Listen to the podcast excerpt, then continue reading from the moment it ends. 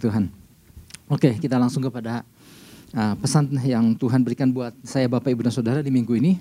Uh, pesannya adalah ketika beban menghinggapi. Ketika beban apa? Meng menghinggapi. Nah di sini ada yang menarik Bapak Ibu Saudara, pakai beban bukannya menindih, bukan beban bukannya menghimpit, tapi meng, menghinggapi. Udah kayak burung aja gitu ya. Nah ada yang menarik di sini Bapak Ibu Saudara, kata menghinggapi seolah-olah seperti cuma hinggap aja. Ya. Tuhan kan Tuhan sebetulnya inginnya begitu, ya. Beban itu perlu, tapi udah nggak usah lama-lama, ya. Karena Tuhan punya tujuan lewat beban yang Tuhan berikan pada umatnya. Jadi gini, semua orang bisa mengalami beban masalah apa pun tanpa pandang bulu, siapa pun, termasuk orang percaya, bisa ngalami beban, jenisnya apa pun juga. Namun berapa lama beban itu hinggap tergantung sikap dan respon pada masing-masing dari orang percaya itu. Apakah cuma hinggap untuk beberapa saat ataukah menetap? Itu tergantung daripada sikap dan respon dari setiap masing-masing. Nanti di bagian dalam kita akan belajar lebih lanjut. Tapi saya mau ajak kita buka Mazmur 55 ayat 20 23 kalau bahasa Indonesia. Mazmur 55 ini cukup panjang dari ayat 1 sampai ayat 24. Tapi nanti dari situ kita akan uh, belajar kurang lebih penggalan demi penggalan, makna demi maknanya. Tetapi intinya adalah kita mau belajar apa yang dimaksud dengan pesan ketika beban menghinggapi. Oke, semua uh, kita baca sama-sama. Udah terpampang di depan, 1, 2, 3. Serahkanlah kuatirmu kepada Tuhan, maka ia akan memelihara engkau tidak untuk selama-lamanya dibiarkannya orang benar itu goyah. Katakan amin. Tidak ada satu manusia yang hidup bebas dari persoalan, ya kan? Siapa pun kita. Nggak padang bulu. Persoalan itu bisa datang. Persoalan itu bisa diizinkan datang ke dalam kehidupan kita. Jadi jenisnya bisa ber, beragam. Ya minggu lalu kayaknya rasanya pesan ini agak-agak mirip. Masalahnya bentuknya bisa bermacam-macam, bisa berbentuk ke masalah keuangan, masalah pernikahan, gangguan akan hubungan, yaitu ada si diwata ya. Kemudian trauma atau suatu kejadian, masalah kesehatan yang menurun atau apa pun juga. Jadi apa? Maksudnya gini, jenisnya bisa apa aja. Nah semua hal itu dapat menjadi batu yang batu beban yang menekan, ya. Namanya beban kan bagaikan batu kalau itu berat. Semua itu bisa menjadi beban yang menekan. Dan ketika beban datang, itu bisa mencuri sukacita seseorang, bisa mencuri kekuatan seseorang. Bahkan ketika orang yang sedang dihimpit oleh beban, bagaikan seorang pelari maraton yang berlari di atas lumpur. Kayaknya mau lari, kayaknya berat banget. Kayaknya mau lari nggak maju-maju karena sebagian besar kaki tertancap di lumpur. Ya itu gambaran aja. Kita bisa membayangkan nggak mudah, ya bukan sesuatu yang mudah. Nah Mazmur ini digubah untuk menggambarkan Daud pada masa saat dia dikejar orang-orang orang-orang yang bercoba menghabisi nyawanya. Kalau kita baca Mazmur, kadang ada latar belakang dan itu tertulis di kitab Samuel. Nah, Mazmur 55 ini kemungkinan besar berlatar belakang ketika Daud dikejar oleh orang-orang suruhan khas Absalom. Kita tahu kan Absalom itu anak Daud yang mengkudeta Daud. Daud memilih untuk meninggalkan tahta, meninggalkan Yerusalem dan membiarkan anaknya menduduki Yerusalem. Karena anaknya pengen banget jadi raja itu. Tapi anaknya serius banget Absalom ini. Ketika Daud udah menyingkir bersama orang-orang setianya, dikirimkanlah oleh Absalom orang-orang pasukan-pasukan untuk membunuh semua, termasuk Daud ayahnya. Nah jadi kalau kita lihat kesesakan-kesesakan doa minta tolong terhadap musuh ini adalah orang-orang yang mengejar yang hendak membinasakan Daud. Nggak main-main. Nah bukan itu aja, Daud juga bukan takut dikejar orang banyak hendak membinasakan, tapi di situ Daud juga merasakan ada kemarahan karena gini, orang yang mengejarnya kan adalah rakyatnya juga gitu. Dan orang-orang setianya ternyata nggak semua ikut Daud juga. Ada orang-orang andalannya yang pernah kita dengar kisahnya seperti Ahitofel. Ini penasehat Daud banget gitu. Artinya Daud sangat butuh banget nasihat daripada Ahitofel. Tapi Ahitofel memutuskan untuk mengabdi kepada Absalom. Makanya di dalam salah satu Mazmur kan Daud merasa kecewa kan. Ya ampun kalau musuh yang mencelakakan dia ya udah dia bisa terima. Tapi ini orang dekat. Orang yang sama-sama ibadah ke rumah Allah. Tapi orang ini malah mengkhianati dia. Jadi berkecamuklah apa yang terjadi dalam hati Daud. Ya ada kecemasan, ya ada kemarahan, ada kekecewaan. Ya, orang yang dekat tiba-tiba berpihak pada orang yang sedang melawan dirinya. Nah membaca tulisan dalam Mazmur ini terkesan Daud mengalami grafik yang turun naik. Jadi kalau kita baca satu bab, satu um, ya, satu pasal 55 ini, kita bisa melihat ada beberapa penggalan yang kita bisa temukan. Ya, ayat 1 sampai 8 lebih kepada sisi lemah Daud. Aduh rasanya, aduh Tuhan, Ke mana sih Tuhan? Aduh rasanya kok kok kayak gini. Kok rasanya aku pengennya sih kabur aja deh.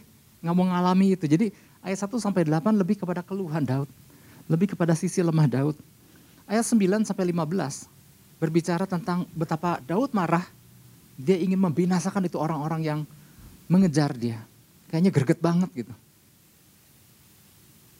Nah ayat 16 sampai 23 atau sampai 24 ya kalau kita bahasa Indonesia.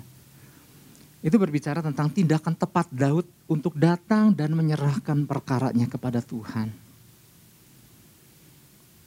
Nah, mengapa awalnya timbul uh, kesan yang demikian? Ada bagian-bagian di mana Daud lemah. Ya, Bapak Ibu Saudara, siapa sih yang siap mengalami beban yang datang tiba-tiba? Enggak ada orang siap kok. Semua orang maunya enggak memiliki itu. Itulah sebabnya ketika dalam hal kisah Daud ini adalah orang-orang yang adalah rakyatnya gitu. Tiba-tiba hendak membinasakan bahkan anaknya sendiri. Ini membuat Daud kan aduh kayak pedih ya. Yang kedua adalah mas, uh, si apa pemasmur ini Daud ini ingin menghukum saking gregetannya kan mau menghukum dengan caranya sendiri tetapi akhirnya dia sadar masuk bagian ketiga dia merasakan bahwa Tuhan adalah sumber perlindungan dan pertolongannya. Daud memilih untuk mengandalkan Tuhan. Daud memilih untuk menyerahkan seluruh perkaranya sama Tuhan sebab dia tahu siapa Tuhan yang dia percaya itu. Kadang-kadang orang mau bertindak dengan kekuatannya sendiri. Tetapi di sini kita belajar bahwa ternyata Daud memilih untuk menyerahkan semua perkara sama Tuhan. Dia tahu Tuhan adil.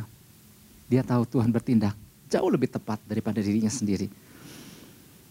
Inilah bentuk pengenalan kebergantungan penuh Daud sama Tuhannya dan sebagai salah satu bentuk Daud kenal siapa Allahnya. Daud percaya bahwa Tuhan akan bertindak. Atas keyakinan tersebut maka Daud belajar menyerahkan segala sesuatunya kepada Tuhan. Ya, cemas, khawatir wajar, namun apabila nggak dikelola dengan baik, maka dapat melemahkan diri sendiri bahkan menjadi bumerang yang mencelakakan. Apa yang dilakukan Daud? Daud memutuskan untuk aduh aku serahkan perkara ini sama Tuhan. Jadi melalui peristiwa ini Daud belajar sesuatu pelajaran penting bagaimana seorang bersikap di tengah beban yang menghinggapi. Daud juga belajar loh. Oleh sebab itu lewat Mazmurnya ini Tuhan mau kita belajar bersikap seperti Daud. Mudah nggak? Nggak mudah. Daud pun nggak mudah. Tapi Daud memutuskan untuk bertindak tepat. Nah ini jadi pesan Tuhan. Ini jadi pesan Tuhan bagi kita beban atas suatu masalah bisa menghigapi setiap orang termasuk orang percaya kapan saja dan di mana saja dan apa saja jenisnya. Persoalan bisa saja datang, namun cara menyikapi sebuah persoalan menjadi suatu hal penting untuk dilatih oleh setiap orang percaya. Nah, inilah saatnya kita belajar sesuatu Bapak Ibu Saudara, karena setiap kita punya tantangan masing-masing. Dulu kita pernah belajar, setiap kita punya trek lari sendiri-sendiri kok. Tapi poinnya bukan itu. Poinnya adalah bagaimana kita menyikapi setiap trek yang kita hadapi masing-masing dengan baik. Ya. Nah Daud mendapati banyak hal. Lewat peristiwa ini, tantangan datang, kejaran musuh, beban menghimpit, beban menghinggapi maksudnya. Daud mendapati banyak hal, termasuk apa? Termasuk pengenalan akan Tuhan. Dari muda, dia sudah menjalin hubungan dengan Tuhan lewat kehidupan penyembahan, tetapi lewat peristiwa demi peristiwa, dia merasakan ada pengenalan yang lebih lagi akan Tuhan. Akan siapa Allahnya. Memang gak mudah Bapak Ibu Saudara ketika seseorang mengalami suatu beban berat. Rasanya seperti goyah juga kaki gitu ya. Tetapi Daud tahu Tuhannya nggak akan membiarkan orang benar jadi goyah. Katakan amin. He will never allow the righteous to be shaken. Dia nggak akan membiarkan orang benar jadi goyah. Oke, kita masuk beberapa hal yang perlu kita pahami berkaitan dengan pesan Tuhan ini agar tetap tegar dan menang di tengah beban persoalan yang menghinggapi. Nah, beberapa di antaranya ada dua ya. Yang pertama, belajar untuk menyerahkan beban kepada Tuhan dan menyelaraskan diri kita kepadanya. Yang pertama ini kita mau belajar sama-sama bagaimana menyerahkan beban. Ya. Seringkali kalau ditanya, udah serahkan sama Tuhan, udah gitu ya. Nah, nanti kita akan belajar apa sih yang dimaksud dengan menyerahkan beban. Mazmur 55 ayat 22a. Oh sama ya masih Rasul 55 ayat 23. Serahkanlah kuatirmu kepada Tuhan, maka ia akan memelihara engkau. Kalau Bapak Ibu Saudara yang terima warta, di situ ada terjemahan bahasa Inggrisnya sebetulnya tepatnya adalah bukanlah serahkan kuatirmu. Serahkanlah bebanmu kepada Tuhan. Maka ia akan memelihara engkau. Nah satu hal yang pertama-tama harus senantiasa tertanam di dalam setiap kita orang percaya ada lagi nih, bahwa Tuhan begitu mengasihi kita jauh melebihi apa pun yang dapat kita bayangkan. Yang setuju katakan amin. Ini yang pertama-tama kita harus tanamkan bahwa Tuhan itu begitu baik dan jauh lebih baik dari apa pun yang dapat kita pikirkan tentang Tuhan. Kalau kita mungkin berpikir Tuhan itu sungguh luar biasa baiknya, dia jauh lebih baik. Dan itu harus tertanam di dalam kita. Jadi apa pun yang terjadi, Jangan pernah berkata, Tuhan jahat gitu. Dia jauh lebih baik dari apa pun yang kita pikirkan tentang dia. Segala yang baik tentang dia. Oleh sebab itu kita harus percaya bahwa di tengah kondisi yang kacau dalam tanda kutip ya, di tengah beban yang menghimpit, yang menghinggapi sekalipun dia ada di setiap proses yang kita jalani dan dia mengajarkan bagaimana bersandar kepadanya. Saya pernah cerita bagaimana ngajarin anak naik sepeda kan ketika dia udah mulai bisa roda dua, kita lepasin, jik jatuh gitu. Enggak, kita akan terus ikuti dari belakang. Dia akan menyertai Tuhan, menyertai setiap proses yang kita jalani. Meskipun mungkin proses itu enggak mudah.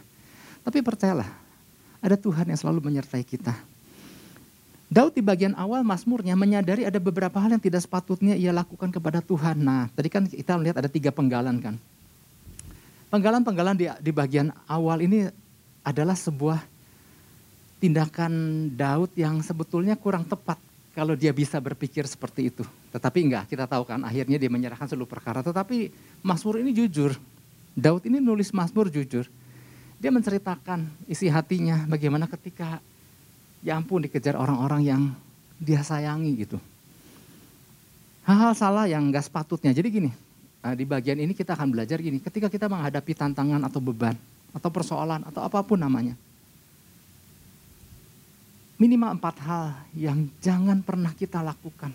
Yang pertama, jangan sekali-kali meragukan Tuhan. Dari Mazmurnya Daud pernah ragu. Keraguan memang akan begitu cepat masuk ketika persoalan terjadi. Jadi ketika datang tantangan, masalah, keraguan akan Tuhan udah ngantri dulu untuk untuk nyusup di situ. Daud sempat di dalam ayat pertama dia udah bilang begini, Tuhan janganlah bersembunyi terhadap permohonanku. Belum apa-apa dia udah bilang Tuhan jangan bersembunyi. Tuhan bilang gue gak bersembunyi. Aku menyertai engkau. Jadi Daud pertama di awal sempat merasakan keraguan. Tuhan di manakah? Kadang ada masukan Tuhan di manakah engkau? Nah ini yang yang tips buat kita semua. Jangan pernah meragukan Tuhan. Itu yang pertama. Yang kedua, jangan mengajukan uh, gini, ada godaan untuk komplain, mencoba masuk juga. Artinya bagian yang jangan kita lakukan ketika tantangan menghadang, jangan komplain sama Tuhan. Daud pernah menggurui Tuhan, perhatikanlah dan jawablah aku. Enggak ada yang berubah ketika kita komplain. Enggak ada yang berubah ketika memilih itu untuk mengasihani diri Tuhan kok gitu sih, aku kan jadi begini. Nah, kadang-kadang belum apa kita komplain sama Tuhan. Nah, ternyata tips yang kedua buat setiap kita, jangan komplain sama Tuhan atau sama siapa pun. Kemudian yang ketiga yang jangan dilakukan ketika beban datang, putus asa. Daud ngalami putus asa. Tadi yang komplain di ayat kedua ya. Dorongan untuk berputus asa. Ternyata putus asa itu menghasilkan sesuatu yang berbahaya.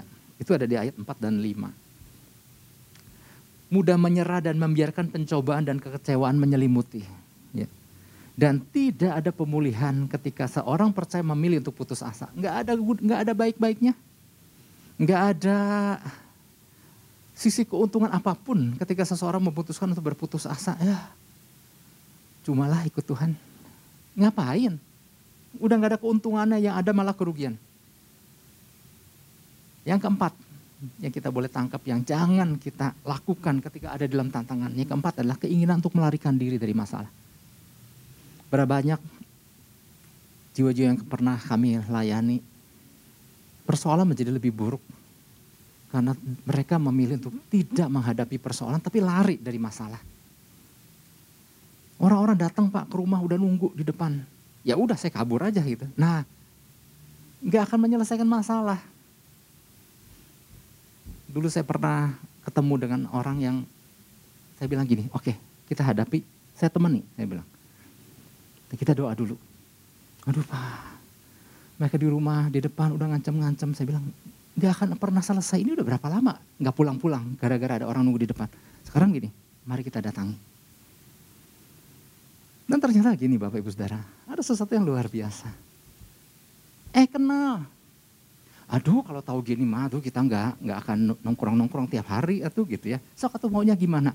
Saudara, kalau dihadapi bersama Tuhan, cerita jadi beda. Jadi jangan melarikan. Daud sempat pengen melari dari masalah kan, malah pengen terbang di ayat 6 dan 7. Ya. Oke, lanjut ya, nggak berlama-lama di situ. Nah oke, intinya adalah gini di poin pertama. Tuhan mau kita belajar menyerahkan segala beban kita kepadanya.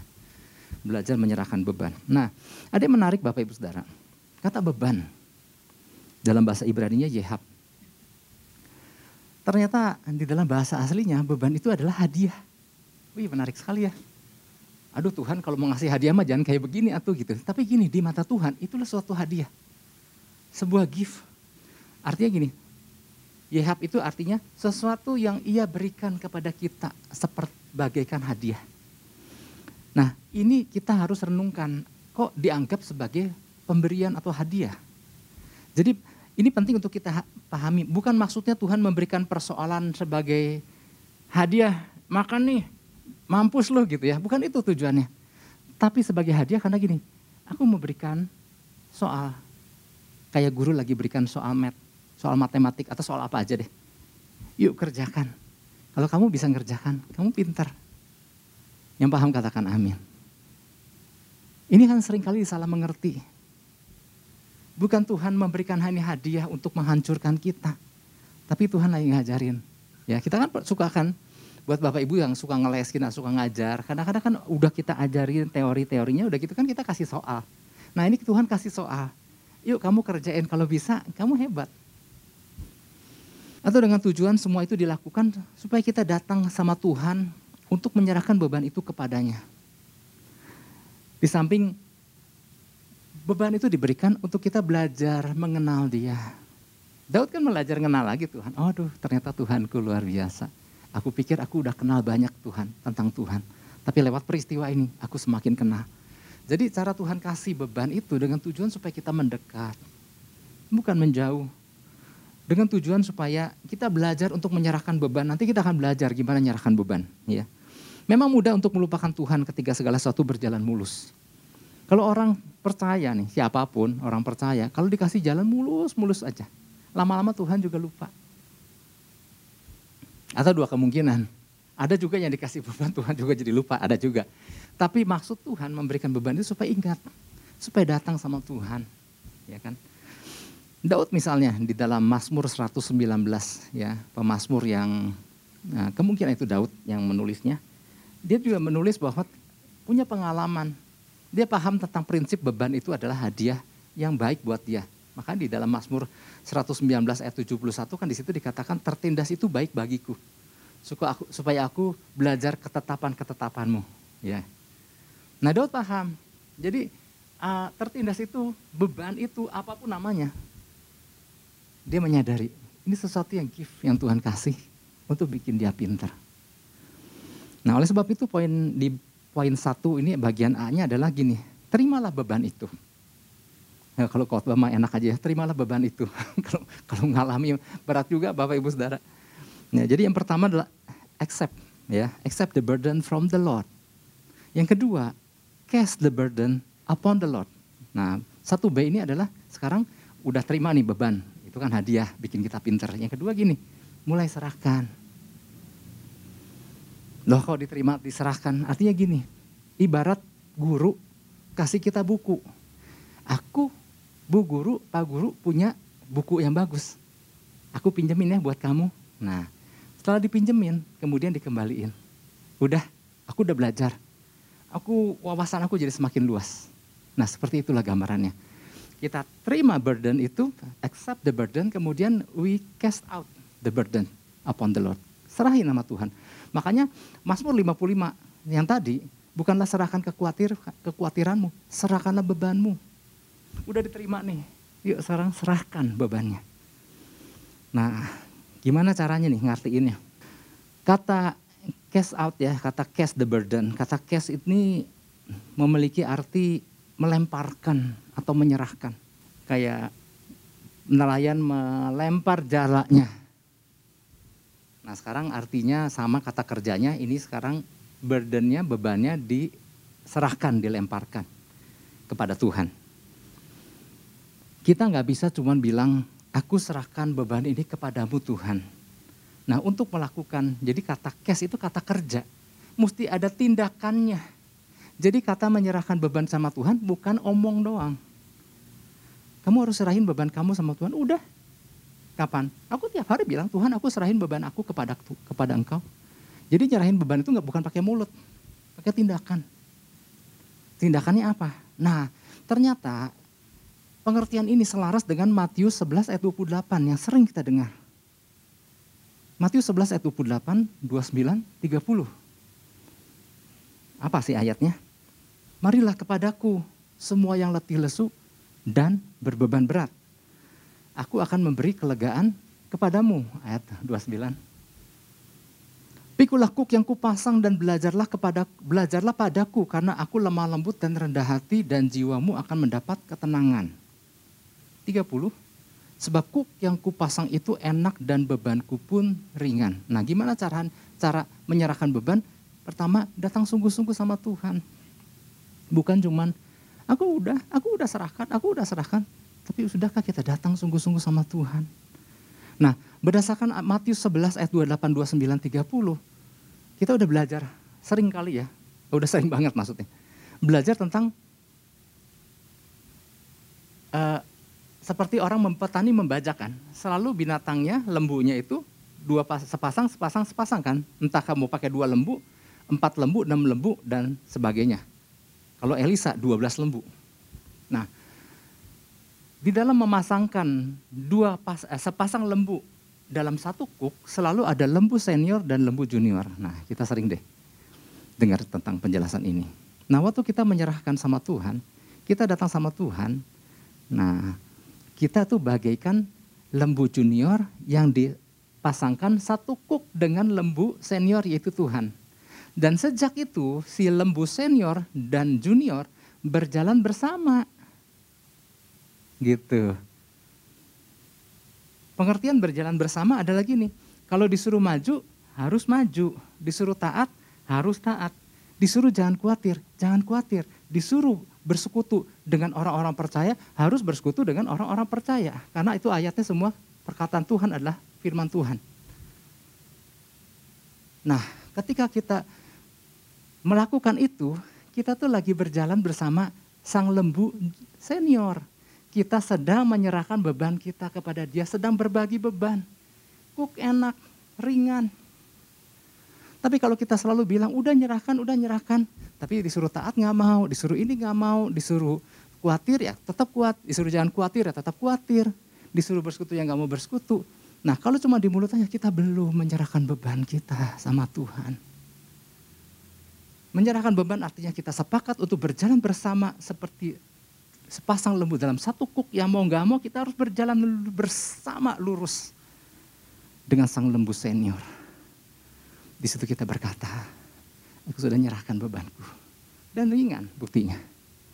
Enggak ada kekhawatiran lagi. Dan aku sudah berbagi beban sama dia. Dan aku berjalan dalam rencananya. Ketika kita bilang, sudah tapi kita masih tetap bandel ini dan itu, kita belum menyerahkan beban kita. Artinya kita masih memilih untuk mau pakai cara sendiri. Jadi selama kita masih mau pakai cara sendiri, kita belum pernah menyerahkan beban itu sama Tuhan. Itu yang pertama. Ya, jadi beberapa hal yang perlu kita pahami berkaitan dengan pesan Tuhan ini agar tetap tegar dan menang di tengah beban persoalan yang menghinggapi. Di antaranya adalah belajar untuk menyerahkan beban kepada Tuhan dan menyelaraskan diri kita. Jadi kita harus menyelaraskan diri kita sama Tuhan, sang lembu senior. Karena kita mau berjalan dalam satu kuk yang sama. Ini kuk kayu loh, kita nggak bisa belok kiri kanan. Kecuali berjalan bersama dia. Kecuali kalau yang senior belok kanan, kita kanan. Dia kiri, kita kiri. Dia berhenti, kita berhenti. Dia maju, kita maju. Jadi seperti lebih mudah ya kita memahami tentang hal menyerahkan beban itu kepada Tuhan. Selama kita berseberangan dengan apa yang Tuhan katakan, kita belum menyerahkan beban kita. Itu yang pertama. Yang kedua, belajar untuk berada di lingkungan orang-orang yang siap untuk menopang. Belajar untuk berada di lingkungan orang-orang yang siap untuk menopang. Daud dalam Mazmurnya ayat 5. Dia pernah sempat ya di tengah masalah yang dia hadapi dia merasa kesepian. Aku dirundung takut dan gentar, perasaan seram meliputi aku. Meskipun dia berjalan bersama-sama rombongan orang-orang setianya, ada masa kesendirian. Merasa entah Tuhan ke mana ini di, di ayat 6 itu masa-masa di mana ia dalam kelemahan, merasa sendiri Daud sempat merasakan kegentaran ketika persoalan datang. Ia merasakan kesendirian ketika menghadapi kejaran orang-orang yang berniat jahat kepadanya. Nah Tuhan, Tuhan tuh nggak merancang kita untuk menanggung beban kita seorang diri. Dari awal ya, waktu Tuhan kasih tugas sama Adam, tidak baik manusia itu seorang diri. Tuhan mau ada partner yang menopang, yang bersama-sama dengan kita Tuhan mau ada orang-orang, maka di kitab pengkhotbah itu dua orang itu lebih baik daripada sendiri. Tali tiga utas, nggak mudah putus. Nah ini diberikan, ya maksudnya ini, Tuhan memberikan orang-orang percaya di sekeliling kita untuk apa? Untuk membantu kita, bukan menyelesaikan masalah kita ya. Untuk membantu kita, bantu mengidentifikasi pergumulan yang dialami. Kadang-kadang kan di tengah beban ini kan kita kadang nggak ngerti Ya, kadang-kadang nasihat itu sangat dibutuhkan. Mengidentifikasi pergumulan yang dialami untuk kemudian menguatkan agar kita tetap berjalan hingga mengalami kemenangan. Jadi kita butuh. Itu sebabnya penting bagi orang percaya untuk tidak menjauhkan diri dari komunitas orang-orang benar. Nah, adalah benar, Bem. Memang gini Pak, emang nggak bisa memulihkan sendiri? Oh bisa. Kalau bicara apakah nggak bisa sendiri, bisa. Orang percaya memiliki kemampuan untuk mengobati diri sendiri ketika luka menghinggapi. Ya kadang-kadang gini, memang kita nggak selalu harus mesti orang lain. Kita tuh harus bisa, apalagi kita para pelayan-pelayan Tuhan ini, harus bisa mengobati diri sendiri. Nggak nggak selalu harus minta orang lain terus melayani kita kan. Ya nggak usah jauh-jauh dah kalau bapak ibu saudara punya anjing. Kalau anjing nggak enak makan, kadang-kadang dia memilih untuk main ke taman depan, terus gigit-gigit rumput Saudara tahu itu apa artinya anjing lagi gigit rumput. Dia lagi ngobati sendiri. Ada yang nggak enak nih di perutnya. Dia mau kadang-kadang dia makan apa kayak mual. Saudara lihat saya jangan kayak lagi ke dokter anjing. Tapi tapi ini ini tips ya kalau kita lihat bahwa eh, kalau anjing lagi mulai gigit-gigit rumput, dia lagi itu pengobatan pribadi, pengobatan pribadi. Aku nggak butuh dokter, aku bisa ngobatin sendiri. Nah kemudian dia seger lagi, main lagi. Jadi kalau anjing makan rumput itu jangan dilarang, biarin aja. Dia tahu kok memilih mana rumput yang uh, baik buat dia. Artinya punya uh, cara pengobatan pribadi. Orang percaya juga begitu. Tapi ya dalam hal ini gini, ada kalanya kita butuh orang lain untuk bantu kita. Kadang ada blind spot. Ya, saudara ngerti ya? Ada sisi yang kita nggak bisa lihat. Saudara pernah pernah pernah lihat ini bagian belakang kita lewat termin pun kadang-kadang ada bagian yang nggak nyampe ada orang yang kalau mandi pakai sabun, ada yang nggak nyampe di satu titik tertentu yang nggak nyampe sama tangannya. Nah kadang-kadang kita butuh orang lain. Ya bukan dalam hal mandi, tetapi kadang-kadang kita butuh orang lain untuk bantu lihat sisi belakang kita. Makanya ada yang perlu disebut coach. Pemain sekali berdunia, pemain sepak bola tetap butuh pelatih karena dia bisa bantu untuk melihat bagian-bagian yang tidak terlihat oleh dirinya sendiri. Kita butuh itu. Namun semua itu gini Bapak, hanya dapat berdampak baik ketika kita berada di antara di tengah para orang-orang yang tepat. Kita betul butuh orang lain, tapi orang lain yang mana nih? Harus ada di orang-orang yang benar harus ada di tengah pejuang-pejuang iman. Harus ada di antara prajurit-prajurit doanya Tuhan. Sehingga waktu dia memberitahukan kita, dia tahu memberikan apa yang tepat. Jadi jangan kumpul sembarangan orang gitu maksudnya. Apakah kita ada di dalam komunitas yang benar? Nah sehingga ada impartasi yang dapat membakar kita untuk beri kekuatan untuk terus berjalan dalam kemenangan. Kita butuh orang-orang itu. Kita nggak butuh ada di tengah-tengah para penjilat istilahnya gini. Tapi kita butuh orang-orang yang bisa negor untuk membangun kita. Orang-orang yang takut akan Tuhan. Kita butuh di situ. Namun jauh dari lingkungan itu membiarkan orang lemah dan kemudian kita membiarkan orang lemah untuk bantu kita. Saya mau katakan, jangan suruh orang lemah lihat kita. Jangan suruh orang lemah nasihati kita. Dia akan berkata, Bapak udah hebat kok. Baik Bapak, baik-baik aja. Kita nggak butuh yang kayak gitu. Kita butuh orang benar yang bisa kasih tahu bagian mana yang perlu diperbaiki. Wow. Orang melemah akan membuat orang percaya menjadi nggak sadar akan sisi lemahnya gitu maksudnya. Mereka berkata semua baik-baik aja. Oleh sebab itu jangan menganggap remeh kuasa dari persekutuan dengan para pejuang-pejuang iman. Jadi ada istilah ada kuasa di situ ketika kita berkumpul dengan orang-orang benar. The power of surrounding yourself with warriors. Wow, keren banget ya ngomongnya. Jadi ada ada kuasa di dalam persekutuan diri kita dengan para pahlawan-pahlawan, dengan para prajurit-prajurit. Wow. Saya nggak bermaksud untuk bicara soal prajurit lagi, tetapi di dalam menggali ini ketemu lagi prajurit. Ya kadang-kadang kalau Tuhan kasih visi, kadang-kadang kita bantu bantu kita untuk mengartikan lebih lagi kata prajurit-prajurit itu. Jadi waktu kita, perlunya kita ada di tengah-tengah para prajurit itu karena mereka akan saling mengingatkan kita. Maka Bapak Ibu Saudara ingat kan lahirnya 400 prajurit Daud itu di mana? Mereka terbentuk di Gua Adulam. Saya mau katakan, prajurit-prajurit 400 yang terbentuk di Gua Adulam bukan gua itu gua sakti. Kita kumpul di Gua Adulam, kemudian lahirlah 400 prajurit, bukan jadi hati-hati juga menamakan gua adulam.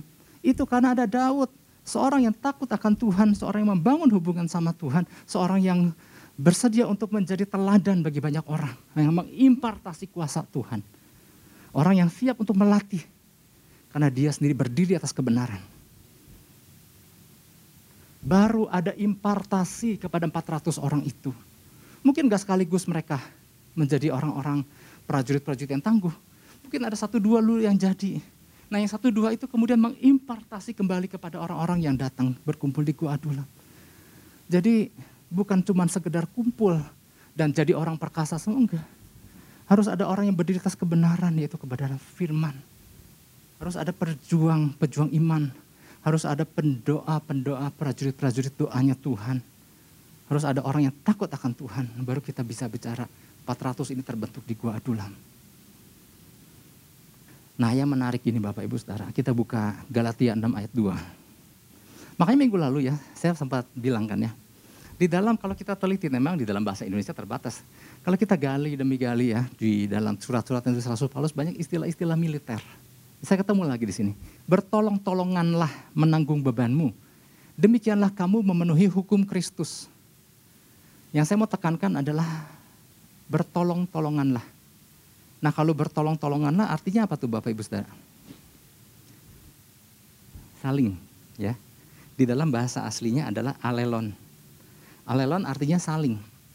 Ada dalam bahasa Inggrisnya ada reciprocally. Tindakan pembelaan yang saling membela. Tindakan bantuan saling membantu. Hal, hal yang baik, tindakan baik, saling melakukan tindakan baik seorang kepada yang lain. Itu yang namanya kata alelon itu ya saling. Kalau dalam hal tolong, maka ada saling menolong, bertolong-tolonganlah. Nah ternyata Bapak Ibu Saudara, kalau kita baca alelon kayaknya asing ya. Tetapi dari kata ini, dari kata alelon, ternyata di dalam bahasa Latinnya, nemo residio. Nemo tuh kayak ikan Nemo ya, Nemo residio. Ternyata ini juga asing buat kita, asing buat saya. Tapi ternyata kata Nemo residio ini dikenal oleh seluruh prajurit, seluruh tentara di seluruh negara. Cuman nama Nemo residionya bisa dalam berbagai bahasa. Kalau di prajurit-prajurit Amerika, mereka mengenal kata Nemo residio. Yang artinya ketika mereka jadi prajurit, mereka sudah disumpah. Mereka akan berjalan bersama-sama perekan prajurit yang lain. Sampai ketika mereka terjun di medan perang. Ketika ada rekan mereka terluka, mereka nggak akan pernah membiarkan rekannya terluka dan ditinggalkan. Mereka akan berusaha untuk lindungi rekannya atau kalaupun udah kena tembak mereka akan berusaha lindungi, sembunyikan atau tarik supaya nggak kena luka lebih dalam. Nah, bayangan ini mungkin kita nggak pernah lihat di dalam peristiwa aslinya. Kita cuma lihat di film perang. Pernah kan kita lihat film perang? Kalau ada yang kena tembak, selalu ada rekan prajurit lain yang akan berusaha nolong. Atau atau atau misalnya di di, di film-film polisi, kalau ada rekan polisi yang ketembak, selalu ada yang berusaha untuk tarik, untuk sembunyikan dulu, untuk supaya jangan kena tembak yang lain. Itu dikatakan alelon, nemo residio. Ternyata seluruh prajurit, seluruh tentara di seluruh dunia, mereka memegang paham ini. Nggak tahu di dalam bahasa Indonesia pakai bahasa apa ya, pakai, pakai istilah apa.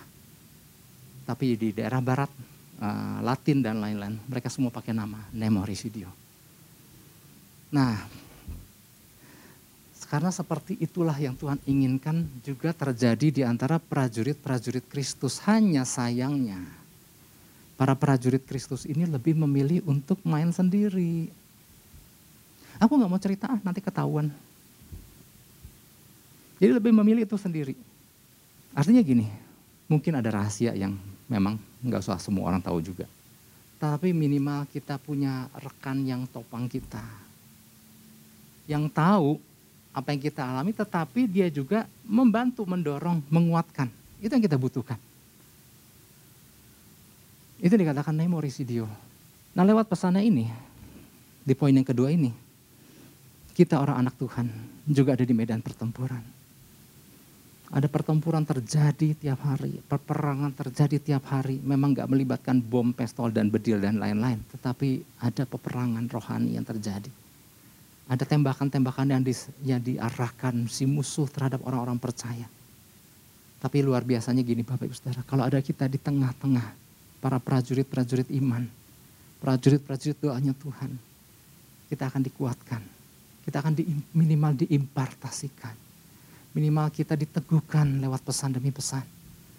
Sehingga menjadi orang-orang yang gak mudah lemah, gak mudah jatuh. Oleh sebab itu, apa pun tantangan yang, menghadang dalam kehidupan kita, Bapak Ibu Saudara, apa pun yang sedang digumulkan, saya mau katakan jangan berjuang sendiri. Aduh pak tapi kalau ini sampai ketahuan memalukan sekali kan karena ini ini ini ini, ini pribadi banget gitu. Ada sebab itu gini ya udah jangan langgar. Tetapi yang masalah beban bukan bukan selalu tentang pelanggaran. Kita butuh orang-orang di sekeliling kita oke saya mau tutup gini aja deh ya beban yang menghinggapi kita adalah beban sementara makanya bebannya menghinggapi sementara bukan beban kekal yang akan menekan akhirnya menghancurkan kita Nah beban diberikan agar kita belajar untuk apa? Belajar untuk nanti suatu hari menyerahkannya kembali. Karena udah pinter, karena udah belajar. Serahkan lagi beban itu. Nah tapi beban itu akan bisa juga menetap lama kalau kita tidak berespon benar ketika menghadapinya. Jadi Tuhan itu kasih beban supaya menghinggap aja, nanti kembaliin lagi. Tapi sering kali respon yang salah bikin dia betah, nggak hinggap, nginep, bahkan tinggal selama-lamanya itu yang ini yang menjadi masalah besar. Ya. Jadi saya mau tutup dengan gini, ada ada kita sering dengar pepatah gini.